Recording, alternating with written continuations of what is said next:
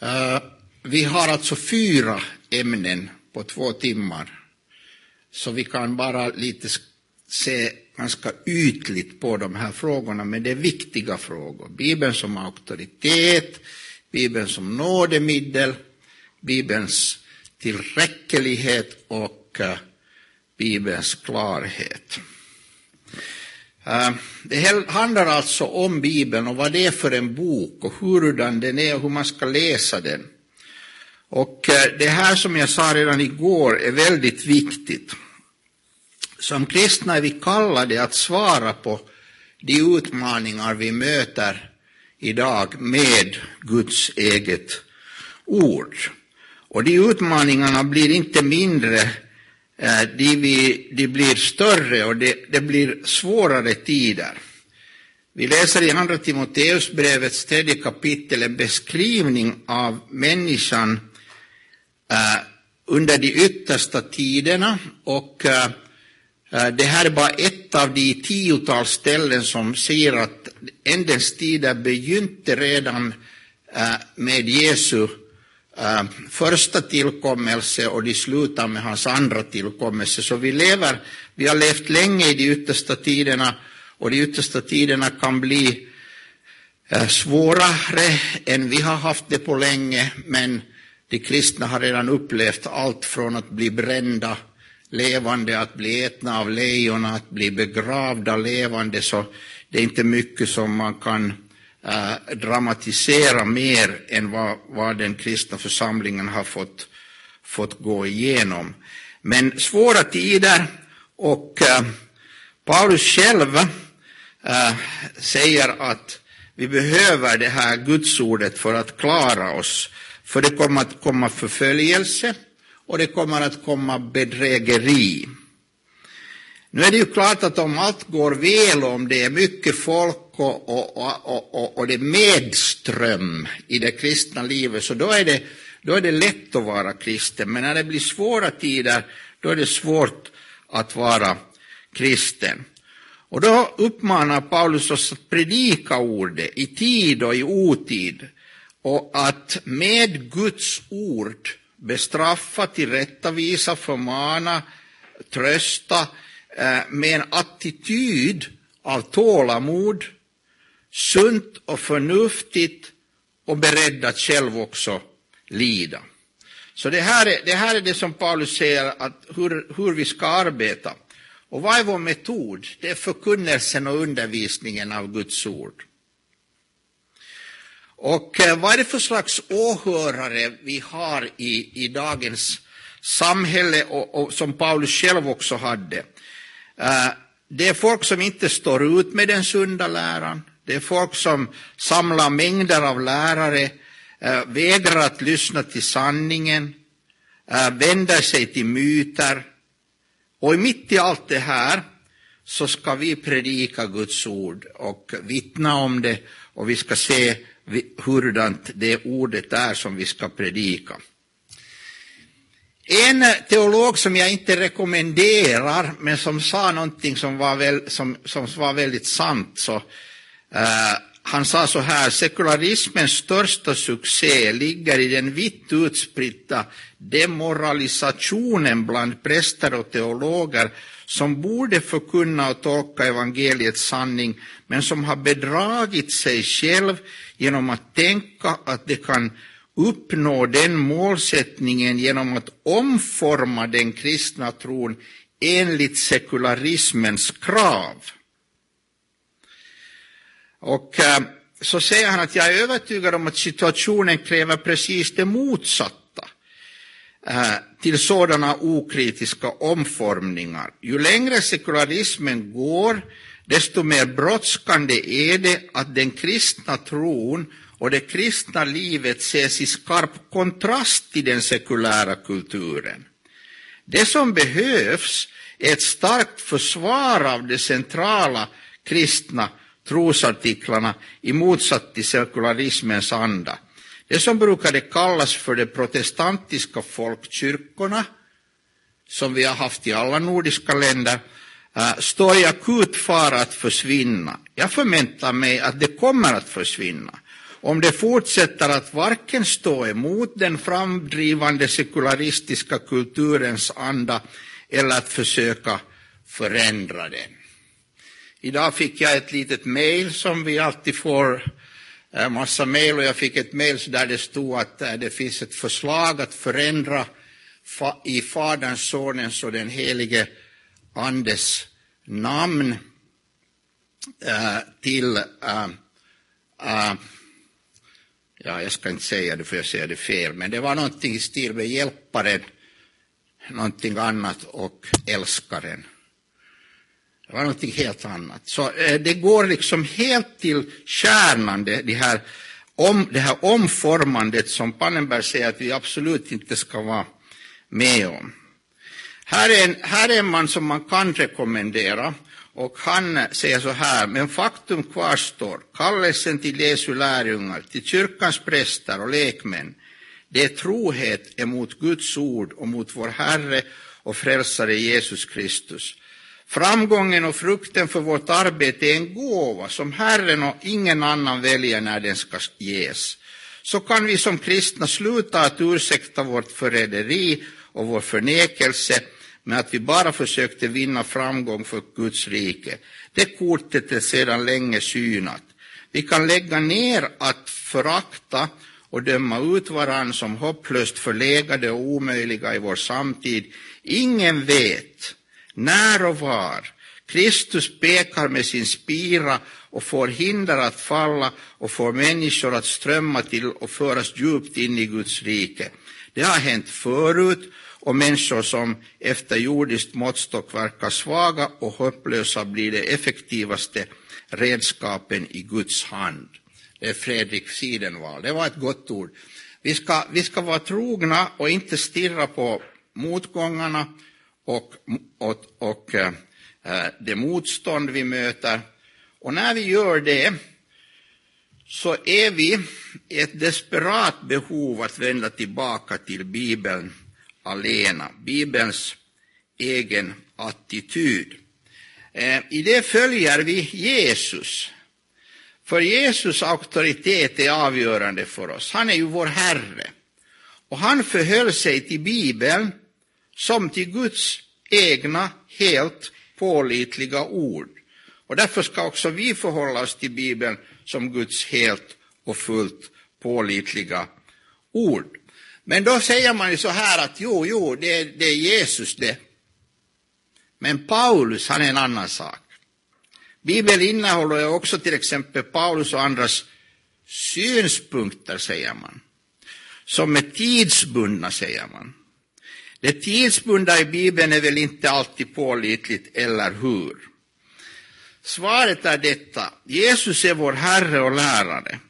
Och det var Jesus som lovade att han skulle fortsätta sin undervisning genom apostlarna, som var hans utvalda ambassadörer, hans utvalda sändebud, som han själv gav sin auktoritet och sitt ord till. Apostlarna var medvetna om att Guds ande leder dem i sin undervisning. Och Nya testamentet är Guds apostlars Jesu apostlars undervisning. Därför är hela Nya testamentet, inte bara evangelierna och bergspredikan och så, utan hela Nya testamentet är Jesu egen undervisning genom hans apostlar. Paulus säger till exempel så här, för övrigt blöder, ni har lärt av oss hur ni ska leva för att behaga Gud. Ni har lärt av oss. Paulus kan säga väldigt modigt, ni har lärt av oss hur man ska leva för att behaga Gud. Och det är ju så ni lever. Nu ber och uppmanar vi er i Herren Jesus att låta ett liv ännu mer överflöda i detta.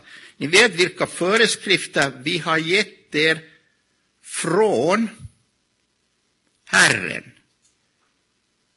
Eh, I själva verket det lilla ordet dia där, det, det kan också betyda gett er på vägnar av.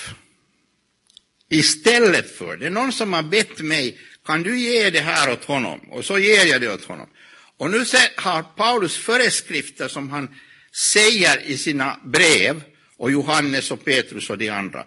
Och dessa föreskrifter är inte hans egna påhitt.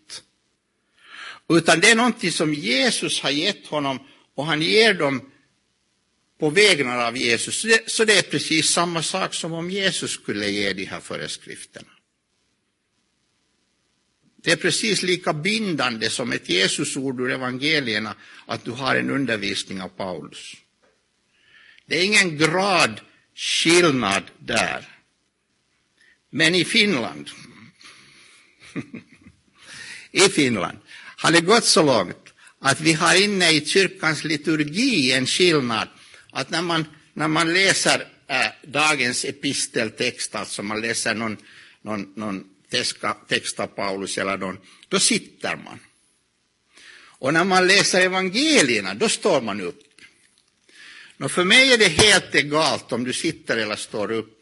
Huvudsaken är att du lyssnar. Det spelar ingen roll om du står eller sitter. Men det är klart att här är en signal. Det egentliga evangeliet, det är evangelierna, Matteus, Markus, Lukas, Johannes. Och sen har du liksom lite lägre nivå, lite mindre auktoritet. Du har Paulus och Petrus och Johannes. Och det är precis den här skillnaden som inte finns. Den finns inte. Jesus talar direkt i evangelierna, utom att där är det ju också Matteus, Markus, Lukas och Johannes som förmedlar hans undervisning. Sen är det i, i, i breven så är det Paulus och andra som skriver, men det är också Jesu ord till oss. Det är också det som Jesus säger. Och äh, äh, därför kan han säga så här modigt. De föreskrifter vi har gett er från Herren.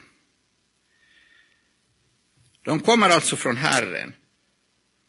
Om du nu avvisar detta, om du säger att jag, jag tror på Jesus men jag bryr mig inte om vad Paulus säger, så avvisar du inte en människa, Paulus, eller, eller Johannes eller Petrus, utan du avvisar Gud själv, som genom sin heliga ande har gett det där ordet där i den där skriften. Det här är otroligt viktigt. Om någon undrar varför jag dricker vatten så är det så torra predikningar att jag må dricka. Men alltså, äh, det här, äh, det är därför jag har powerpoint också, för det är no power, no point i de här. Äh, men i varje fall så är det här otroligt viktigt, för det som man förnekar idag, det, det är sällan direkt Jesus. Vissa gör det också, de som är mest ärliga och mest, eh, mest liksom modiga i sitt uppror, så de förnekar direkt vad Jesus har sagt eller säger att vi, vi vet inte vad han har sagt. Men det finns väldigt mycket mer folk som säger, jo nej, nu tror jag på Jesus, har du ett Jesusord för det där? Men sen om Paulus säger någonting så, nej, det var Paulus, han var lite sån, sån här, han var lite sån patriarkal apostel från första århundradet, han visste inte riktigt vad han talade om. Förutom om han är Jesu Kristi apostel och har fått det som han själv påstår, dia Jesus Kristus, genom Jesus Kristus och tala på vägnar av Kristus, då är det allvarligt att avvisa det han säger, därför att apostlarnas undervisning är Guds egen undervisning. Jesus talar med Guds mun, apostlarna talar med Jesu mun. Jesus säger det ord som ni hör är inte mitt, utan kommer från min fader. Och eh, så säger han, den som tar emot någon som jag sänder, till exempel apostlarna, han tar emot mig och den som tar emot mig, han tar emot honom som har sänt mig. Så här säger en god finsk äh, professor äh, i teologi, han säger under de senaste åren har vi i Finland ständigt fått höra att man i Nya testamentet inte bör söka råd för det kristna livet. Den kristna följer i etiken bara sunt förnuft och den väldigt berömda kärleksprincipen. Det låter ju redan vackert. Kärleksprincipen. Kan du ha något vackrare? Professor Lauri Thurén, vid teologiska fakulteten i Joensuu är inte den första bibelforskaren som opponerar sig. Tanken på att Nya testamentet inte skulle innehålla klara råd är helt vettlös. Jag tycker det är väldigt roligt när en professor säger vettlös, för det säger de sällan. De talar ett, ett, ett, ett språk som är akademiskt, och de säger sällan att det där är fullkomligt vettlöst. Men han säger att det är vettlöst att påstå att Nya testamentet inte innehåller klara råd. När man öppnar boken stöter man garanterat på befallningar, uppmaningar, förbud. Det är inte bara stora allmängiltiga principer i stil med älska din nästa. Speciellt i brevtexterna förekommer direkta synd och lastlistor, listor på andens frukt och hustavlor. Som med franska streck räknar man upp mycket konkreta gärningar och attityder som den kristna bör undvika eller enligt vilken man ska rätta sitt liv. Om man all, lämnar allt detta obeaktat blir det inte mycket kvar av hela boken.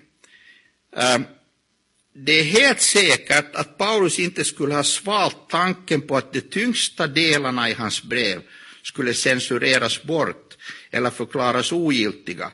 Fast just Paulus upphöjde kärleken över allt annat listade han samma man ofta i detalj hur man i praktiken ska uppfylla denna kärlek. Det finns ingen kärlek på principnivå. Det här är bra. Om din fru frågar dig, älskar du mig ännu? säger du ja, i princip.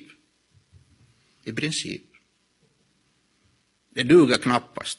Det finns ingen kärlek i principnivå. Om den inte tar sig uttryck i den praktiska verkligheten de befallningar Paulus ger uppnår inte lätt det bästa före-datum, för den som det gäller, människan, har trots allt inte förändrats sedan den tiden. Vi är, vi är samma slags människor som på Paulus tid. Vi är likadana människor. Vi har inte ens uppfunnit några nya synder. Vi syndar på samma sätt som de syndar i Rom. Vi har samma, samma problem, samma synder, samma, samma pro, problem och, och, och och, och äh, funderingar som de hade för 2000 år sedan. Och därför är Bibelns budskap och Bibelns bud gällande idag. De gäller idag.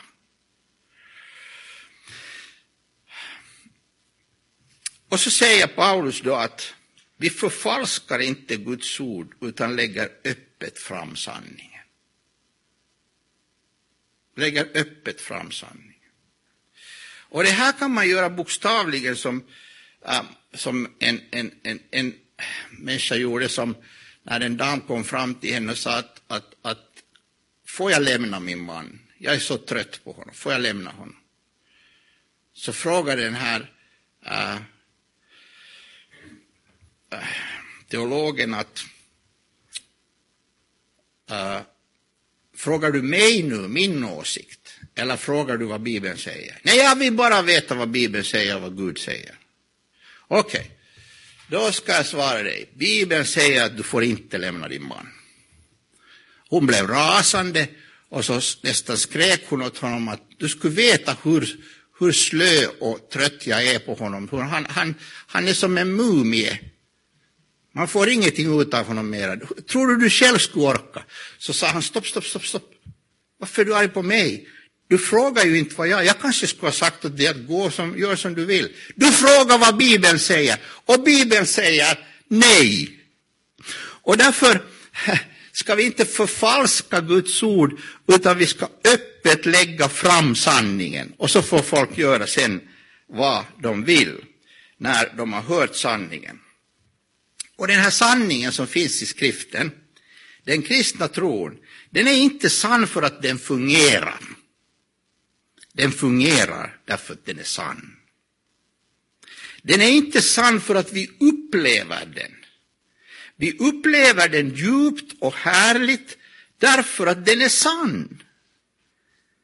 Den är inte bara sann för oss, den är sann för alla som söker för att finna därför att sanningen är sann även om ingen tror det. Och det som är falskt är falskt även om alla tror det. Sanningen viker inte för opinion, mode, statistik, ställning eller äkthet. Den är helt enkelt sann. Punkt och slut. Det här citatet har jag tagit äh, för jag, det, det talar så kraftigt till mig. Vi har en sanning i Guds ord som inte är någonting som jag har hittat på eller du har hittat på. Och det är inte någonting som, vi, som, vi, som är beroende av mig. Det, det är inte så att, att, att, att sen när jag tar emot det, det blir liksom levande, så då först liksom gäller det. Utan det gäller hela tiden, det är sant hela tiden. Det är en sanning som är omutlig. Och människans, människans försök att förneka den här sanningen i Guds ord, de är helt hopplösa. Låt mig hastigt liksom löpa igenom några exempel. På 1800-talet menar flera forskare att Bibelns tal om hetiterna var ohistoriska, för man hade inga arkeologiska bevis för hetiterna. Enligt Bibeln var hetiterna ett stort folk med egyptierna, jättestort folk. Och det stod i Andra Konungaboken att de sa till varandra, du ska se att Israels konge har lejt hetitkongen och Egyptkongen till att kämpa mot oss. Och så vidare. Det stod, det stod om ett stort folk.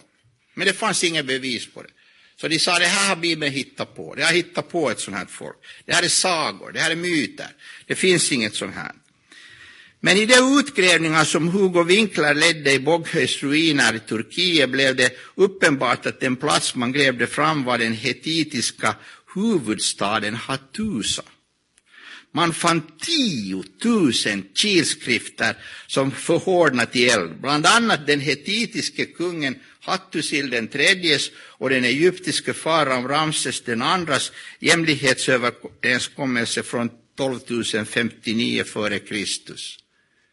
Det är ju intressant att du inte har ett folk när du har ett, deras bibliotek och deras huvudstad. Det är ju lite jobbigt. Det är klart att det fanns hetiterna. Men det råkar sig så att vi hade inte något bevis på det, annat än att vi har en massa texter i Bibeln som talar om dem. Och man kan ju inte tro bara därför det står i Bibeln. Eller kan man? På 1800-talet menar vissa forskare att den i Jesaja 22 nämnda assyriska kungen Sargon bara var ett påhittat namn utan någon historisk grund, för man kände inte till någon härskare vid namn Sargon från andra historiska källor. Men Bibeln talar om assyrkungen Sargon som gjorde det ena och det andra. I de utgrävningar det nuvarande Irakiens område fann Paul Emil Botta Korsabads kungapalats ruiner. I pilskrifter som fanns i ruinerna framgick det att palatset hade hört till Sargon, den andra som var Syriens konung 721-705, precis då han skulle vara kung enligt Bibeln. Pilskrifterna innehöll bland annat en detaljerad beskrivning av Sargons alfar mot syfte att erövra Filistea och Asdod. På 1900-talet menar vissa forskare att den i Daniel 5 nämnda babyloniska kungen Belsassar endast var en fantasiprodukt, för man visste att Nabunaid var Babyloniens sista kung. Enligt Daniel 5 var det Belsassar som var den sista kungen. Det här var lite mer krångligt. Alltså, Bibeln sa att Belsassar är sista kungen. Och så sa man, jo, jo men det, det kan inte vara, för vi vet att Nabunaid var Babyloniens sista kung. Bibeln har ett fel. Nå, det var bara ett litet fel. Eller var det? Senare hade i arkeologiska grävningar framkommit att Nabunaid hade satt sin son Belsassar på tronen medan han själv tillbringade sin tid på hytta i Arabien i en stad som hette Tema.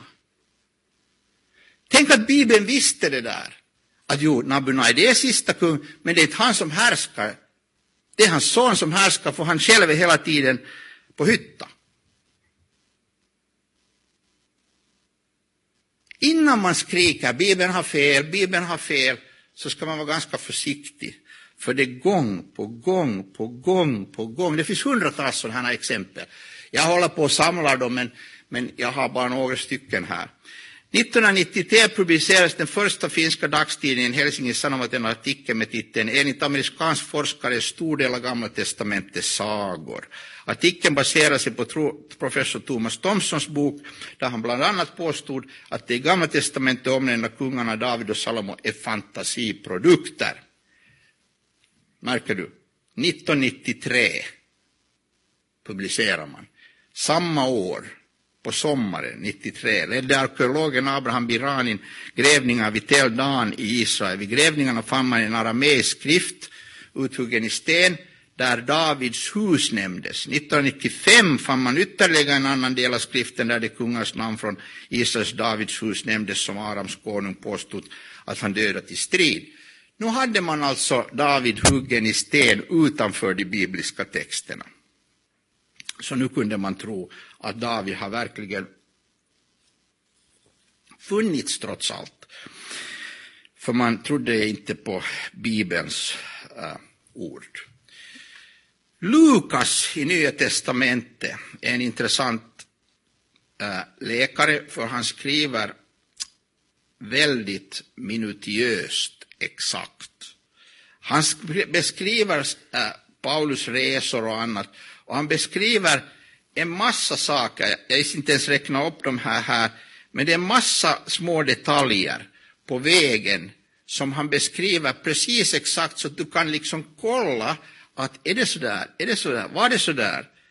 Eh, allt från olika gudars förhållanden till, till eh, rätta formen av namnet tro, alltså en massa olika små detaljer. Och Lukas beskrivning är så precis att han själv måste ha varit ett ögonvittne eller åtminstone fått sina uppgifter av ett ögonvittne. Och i samma bok som han berättar alla 84 detaljer som han har grävt fram från 16 kapitlet till sista kapitlet i Apostlagärningarna, 84 detaljer som historiska forskningar bekräftar, så rapporterar han också 35 under. Så det kan göra det att om du vill säga att jo, jo, jag tror allt historiskt, men jag tror inte undren, så då är det din sak. Men alltså det att man säger att man kan inte lita på honom, det går inte. Det går inte. Ingen som är så där minutiöst exakt hittar på saker och ting. Och det gjorde han inte heller. Vad är det som gör att vi vill hela tiden förneka och inte vill tro vad Gud har sagt. Martin Luther förklarade så här. Ursprungligen skapades människan i enlighet med Guds avbild och till att vara honom lik, så att hennes vilja var god och sund, hennes förstånd och kunskap var sund. Så allt vad Gud ville och sa det ville trodde och förstod också människan. Denna kunskap följdes konsekvent av kunskap om alla andra skapade. Men sen kom syndafallet som förstörde förståndets och viljans funktion. Den upprinnelige rättfärdigheten hörde till människnaturen, men när den gått förlorad var det klart att inte hela naturens gåvor förblev hela. Som en följd av syndafallet förmörkas förståndet av en mångfaldig okunskap.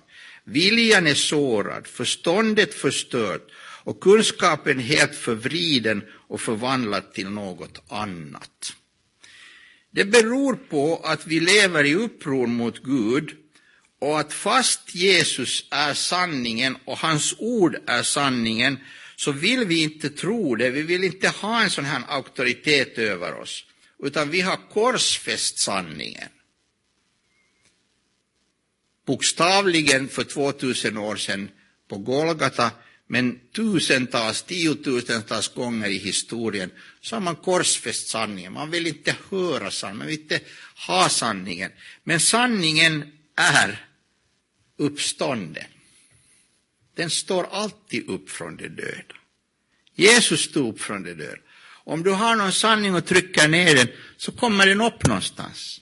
Det går inte att förneka. Du kan förneka, det fanns ingen David. Och så hittar vi honom huggen i sten. Du kan förneka det ena efter det andra efter det tredje, men det kommer alltid fram till slut. Men den kristne kan må, måste stå i motvind och säga att jag, jag förtröstar på Guds ord. Jag har tillräckligt med, med, med, med exempel på att Bibeln har, har fått rätt till slut, så jag står med Guds ord. Att du, kan, du, kan, du kan säga att hur kan du vara så dum att du tror på en sån här gammal bok? Jo, men jag tror på den här. Jag tror att det här är Guds ord. Jag tror att det är sant. Och så får vi se i historien hur det går. Vi får se. Sanningen lever i Kristus, för i honom har vi all visdomens och kunskapens skatter. Pass på att ingen fångar er med visdomslära och tomt bedrag som stammar från mänskliga över, överlevereringar och grundkräften i världen och icke från Kristus. Alltså det kommer hela tiden sådana strömmar av ideologier som vill kapa dig och som vill få dig att tänka på ett helt annat sätt om människan, om könet, om livet, om döden, om rätt och fel, om allt möjligt. Det kommer hela tiden sådana strömmar som vill förändra ditt tänkande. Och om du då är en kristen och Bibeln är din auktoritet så må du säga jag måste, jag måste komma djupt in i skriften, jag måste stå med mina båda fötter på stengrunden, på skriften och hålla i det här och, och, och, och tro det här. Det är viktigt. För då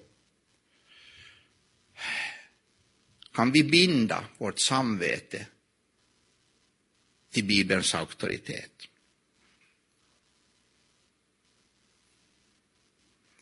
Som Paulus gjorde, som Johannes gjorde, som Augustinus gjorde, som Luther gjorde, som eh, de stora hövdingarna i Norge tidigare gjorde, Wislöf, eh, alla de här som ni har här. Eh, Ämne nummer två, eller 1b om du vill. Alltså, för vi har båda de här här. Bibeln är å andra sidan en auktoritet, den är sanning, den, den, vi ska binda oss, vi ska hålla fast vid den. Men sen samtidigt får vi tacka och prisa Gud för att Bibeln är också ett nådemedel. Det är ett medel genom vilket Gud gör så otroligt mycket Äh, gott och fint med oss.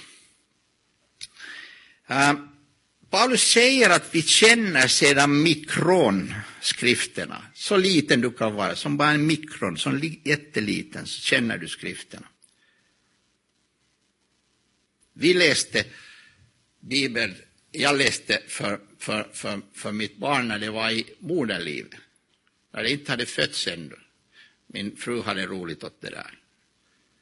Jag pratade till honom och jag, jag, jag uppmuntrade honom att han skulle orka igenom hela den där tiden där inne. Och sen kommer han ut och så läste vi mer Guds ord för honom. Och det är det enda, jag har gjort så många fel i min uppfostran. Och det här är inget liksom bara sådana som jag bara säger, jag har gjort så många fel. Men det var rätt att vi läste Guds ord. Det var rätt. Det var rätt att vi läste Guds ord för barnen. Jag borde ha varit mer hemma. Ja, vem vet, fast det skulle varit mycket värre då. men, men det var allt möjligt, förstår du. Men, men Guds ord, att man kan ge det och säga att det här är sanningen. Ibland är det barnen som lär oss. Våra barn var jättesmå när det kom någonting till vår, deras skola som hette, som hette äh, äh ja, det finns ingen direkt översättning till svenska, men det är liksom mini, minidisco, diskotek, minidiskotek för, för jättesmå barn, diskotek. Ljusen bort, sån hård hardrockmusik och, och, så ska, och så ska de gå omkring där i mörkret och så ska de dansa slow dance. Och så tittar vi med min hustru att vad i hela världen är det här? Varför ska, varför ska sådana här åttaåringar och sådana här hålla på med något sånt här? De borde ha ett ljust och härligt ställe och göra något roligt. Och så frågar förstås barnen, får vi gå? Får vi gå? Alla mina kompisar får gå. Alla får gå. Får vi gå? Och så säger jag, nej, ni får inte gå så sitter de riktigt sura i baksätet av bilen och så, så, så kläcker den där som alltid kläckte, så han kläcker det här. Pappa, Mm. Var står det där i Bibeln? Står det någonstans i Bibeln att man inte får gå på diskotek? Nej, Mikael, det står ingenstans i Bibeln. Det är bara mamma och pappa som har bestämt att du inte får gå på det där. Det står inte i Bibeln. Han är tyst en liten stund och så vänder han sig till sin bror och säger Förstår du hur lätt det skulle vara om pappa bara skulle hålla sig till Bibeln?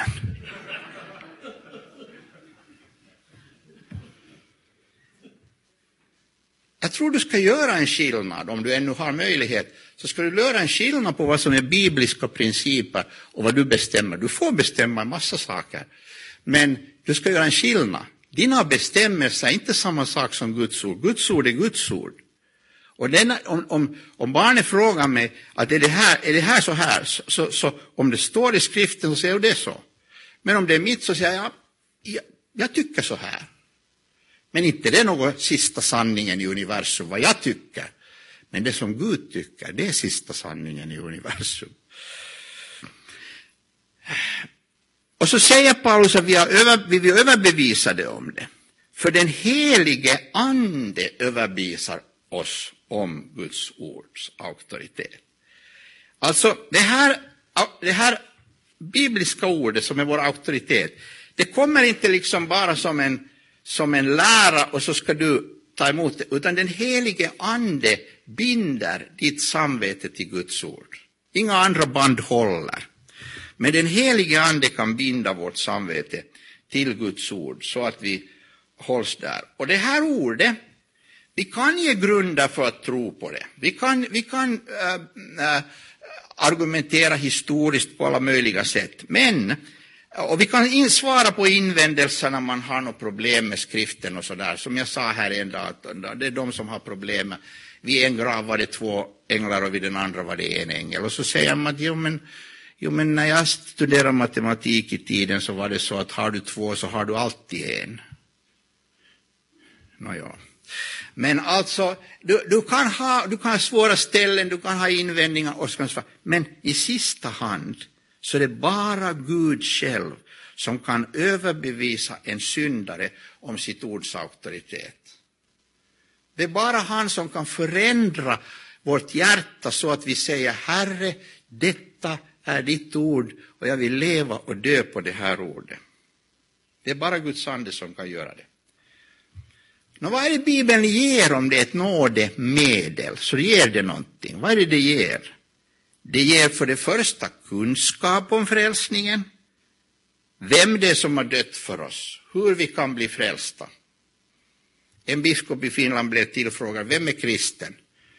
Så svarar hon att det, det ser man på kylskåpet. Och så funderar den där journalisten lite, att, uh, ursäkta, vad menar ni? Jo, jag menar att om det finns sån rättvist kaffe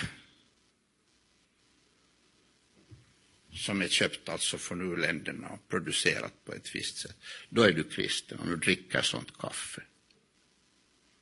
Enligt Bibeln så får du lära dig att den är kristen som förtröstar på den på korset för 200, 2000 år sedan döde Jesus Kristus som uppstod bokstavligen på tredje dagen ifrån de döda. Detta är kristen tro. Att tro på den här Jesus, följa honom. Det är kristen tro. Och Bibeln är vår auktoritet, men den är också ett nådemedel som ger kunskap om frälsningen och så ger den också frälsningen själv.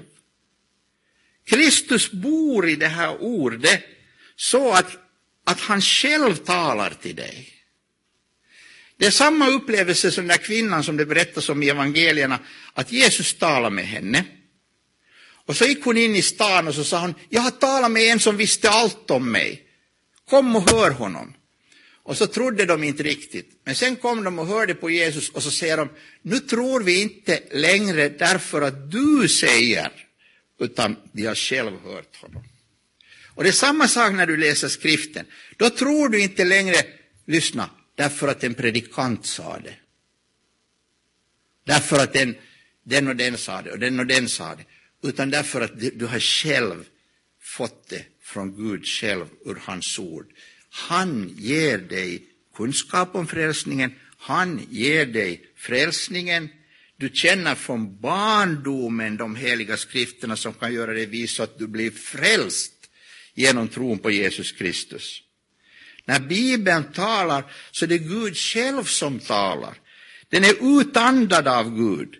Vi möter i Bibeln inte bara den rätta beskrivningen av Gud, vi möter Gud själv. Gud själv. Genom sin helige ande talar till oss.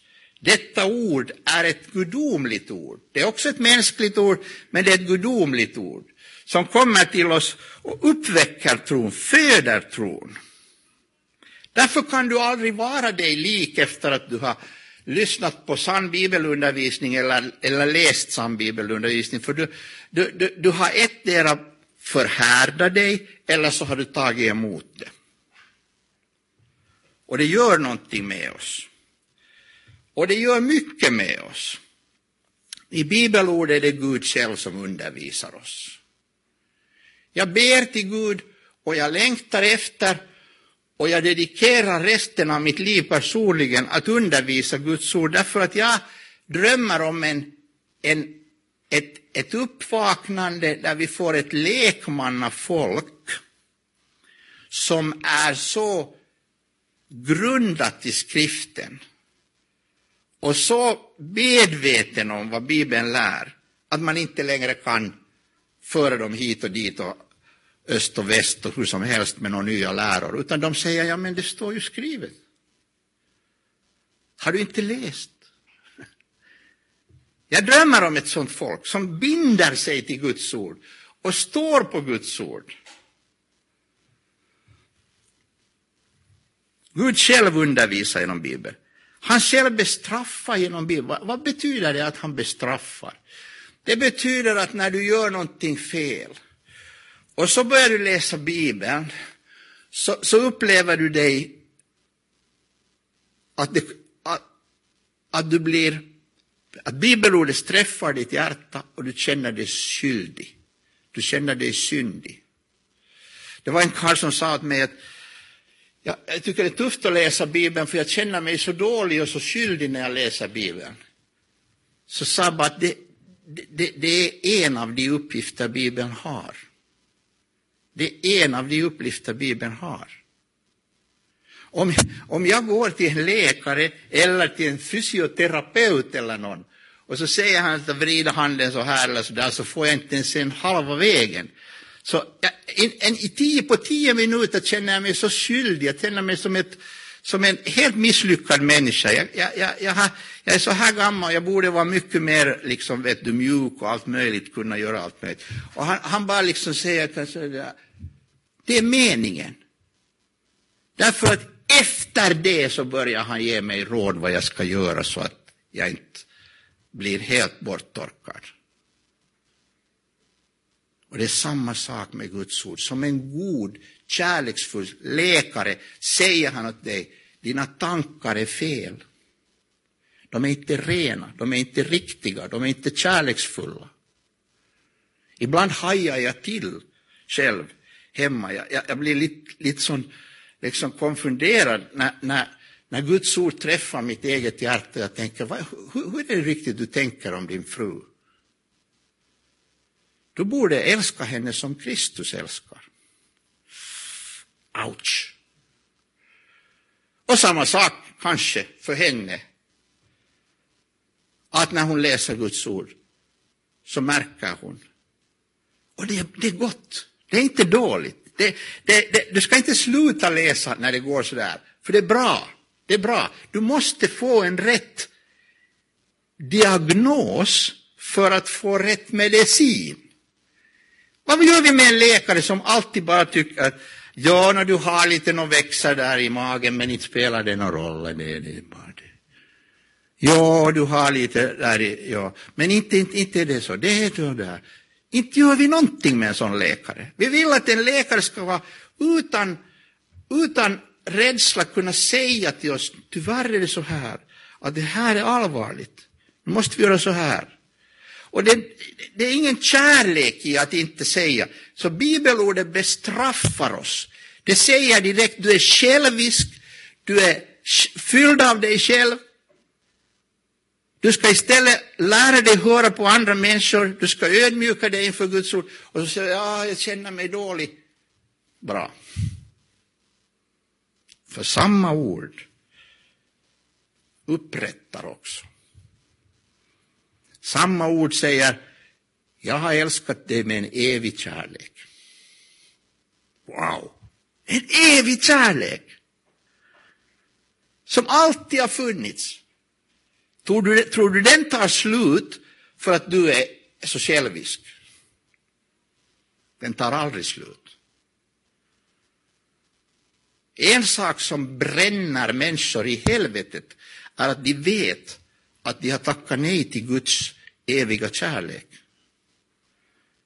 De vet att de kunde ha fått något otroligt annorlunda. Och så sålde de det. Och så gav de bort det och så förnekade de Kristus. Kärleken är evig, evig. Den tar aldrig slut. Den har aldrig börjat. Den börjar inte när jag första gången läste Bibeln. Den börjar inte när jag första gången bad. Den börjar inte i något skede. Den har alltid funnits. Så fostrar Bibeln oss. Den visar oss ett nytt sätt att leva. Det står väldigt konkret i, till exempel om du studerar Efesierbrevet, det är väldigt kort, du kan läsa det på kort tid. Det är ett väldigt bra brev, jag tycker alla kristna borde läsa det regelbundet. Där finns en väldigt enkel formel. Klä av dig, klä på dig. Ta bort de gamla kläderna, sätt på dig nya, rena kläder. Ta bort den gamla människan. Och så säger Paulus till och med vad han menar. Sluta ljuga. Tala sanning. Sluta upp med det där. Säg, säg hur det är. Säg hur det är. Säg sanningen. Och så säger han, sluta stjäla. Sluta ta det som hör till andra människor. Gå istället och jobba och förtjäna så du kan ge. Han, han tar sådana här exempel, det är väldigt kort och koncist. Bibeln fostrar oss. Den fostrar oss. Därför är det så här att Bibeln som Guds nådaord kommer till dig gång på gång på gång. Och det är vad du gör med det där ordet. Det visar, det avslöjar din inställning till Gud själv. Det är han som talar. Det blir, det blir inte större bevis än det här. Kommer du ihåg, låt mig avsluta med det här, den här första Kommer du ihåg den där liknelsen, den där mannen, rika mannen som, som hamnade i förtappelsen? Och så var det eh, förstås eh, Lazarus som, som, som kom till himlen. Och så säger han där i förtappelsen, han talar till Abraham i Jesu liknelse, och så säger han att sänd någon till mina bröder, sänd någon till mina bröder, att de inte hamnar hit, sänd någon och varna dem. Så säger Abraham, ja men de har ju Mose och profeterna. De har ju Gamla testamentet. Och så säger den här mannen, nej, nej, nej, du förstår inte, de, inte läser de Bibeln, inte, inte bryr de sig om Mose och profeterna. Men om någon skulle stå upp från de döda, då skulle de tro. Och då får de det mest förvånande svar, en av de mest förvånande svar som finns i, i Nya testamentet. Om de icke tror på Mose och profeterna så tror de inte fast någon från de döda skulle tala till dem. Tänk på det konkret. Tänk om, jag, tänk om jag får två möjligheter. Det ena är att jag delar ut Gamla testamenten på torget i Helsingfors. Det är den ena möjligheten. Jag delar ut Gamla testamenten. Varsågod, gratis, varsågod. Och den andra möjligheten är att jag går mitt på torget och så ropar jag hej, titta hit, jag ska göra ett under. Här har vi en man, kommer här med, med ambulansen i kista, han är död, han har varit död två månader. Och så öppnar vi kistan och så säger jag stig upp. Och så stiger han upp. Och det är ett äkta under, inte, inte troll, trolleri, utan det är ett äkta under. Så vad är det Abraham säger? Han säger att No, om de inte har trott de gamla testamentena som du delar ut, så inte kommer det att hjälpa först du väcker en död. Hälften av folket kommer att säga att jag tror inte alls att han har varit död. Det var något, de har kommit överens. Där. Andra hälften säger att kanske det är möjligt att man är två månader liksom sover och sen vaknar. Och, inte vet jag det, vem vet? Det finns alltid en förklaring för den som vill vara kvar i mörkret. Och den som har en öppet sinne och vill höra Guds ord så räcker det med Mose och profeterna. Så tror du på Jesus. För här står så tydligt och klara, tydliga och klara profetior om Jesus. Så det är bibelordet som väcker, frälsar, undervisar, bestraffar. Vilket ord, vilket härligt underbart ord. Jag var 15 år gammal när jag gick i skriftskola, konfirmandundervisning. Och det kom en grupp som hette Gideon och delade ut Nya testamenten. Små, sådana här små. Jag fick också ett, andra fick ett. Konfirmandtiden, mm, den var helt okej, okay, men jag blev inte omvänd. Enligt läraren senare så var jag en av de värsta. Jag hade alltid något att opponera mig, alltså, Hur kan det vara så där? Hur där? Så skriftskoltiden gick förbi, konfirmandundervisningen slutade. Jag reste hem, men jag hade mitt lilla nya testamente med mig. Och på kvällarna och ibland på dagen när jag hade tid så, så öppnade jag det. Och jag hade ingen blå aning om vad det innehåller. Jag visste inte något om gamla nya testamentet, evangelierna, breven, ingenting. Utan jag bara öppnade och det råkade öppna sig på apostlagärningarna. Så jag läste apostlagärningarna. Och jag blev nästan rädd. För det var som om varje gång jag öppnade och började läsa det så var det som någon skulle ha kommit in i rummet och så var det som någon skulle tala till mig. Som någon skulle ha varit där. Som. Jag blev så omvänd av Bibeln. Jag gick ner på mina knän, jag bad om frälsning, det räckte några månader innan jag sen fann ungdomar som förklarade för mig att jag får komma för Jesus skull och jag får vara förlåten och älskad och jag fick komma upp på vägen och fick en, bli omvänd. Men Bibeln omvände mig. Bibeln omvände, trots att min mormor sa till mig att, att, att, att jag är lite bekymrad för dig när du läser den där, den där bibeln, att det är många som har blivit snurriga i huvudet när de läser den där bibeln. Och jag var så pass hövlig att jag sa inte till henne, det är ännu mer som har blivit snurriga för att de inte läser den. Men det ska jag säga dig, läs Guds ord. Lyssna på det. Låt det verka. Det är en auktoritet, men det är också ett nådemedel.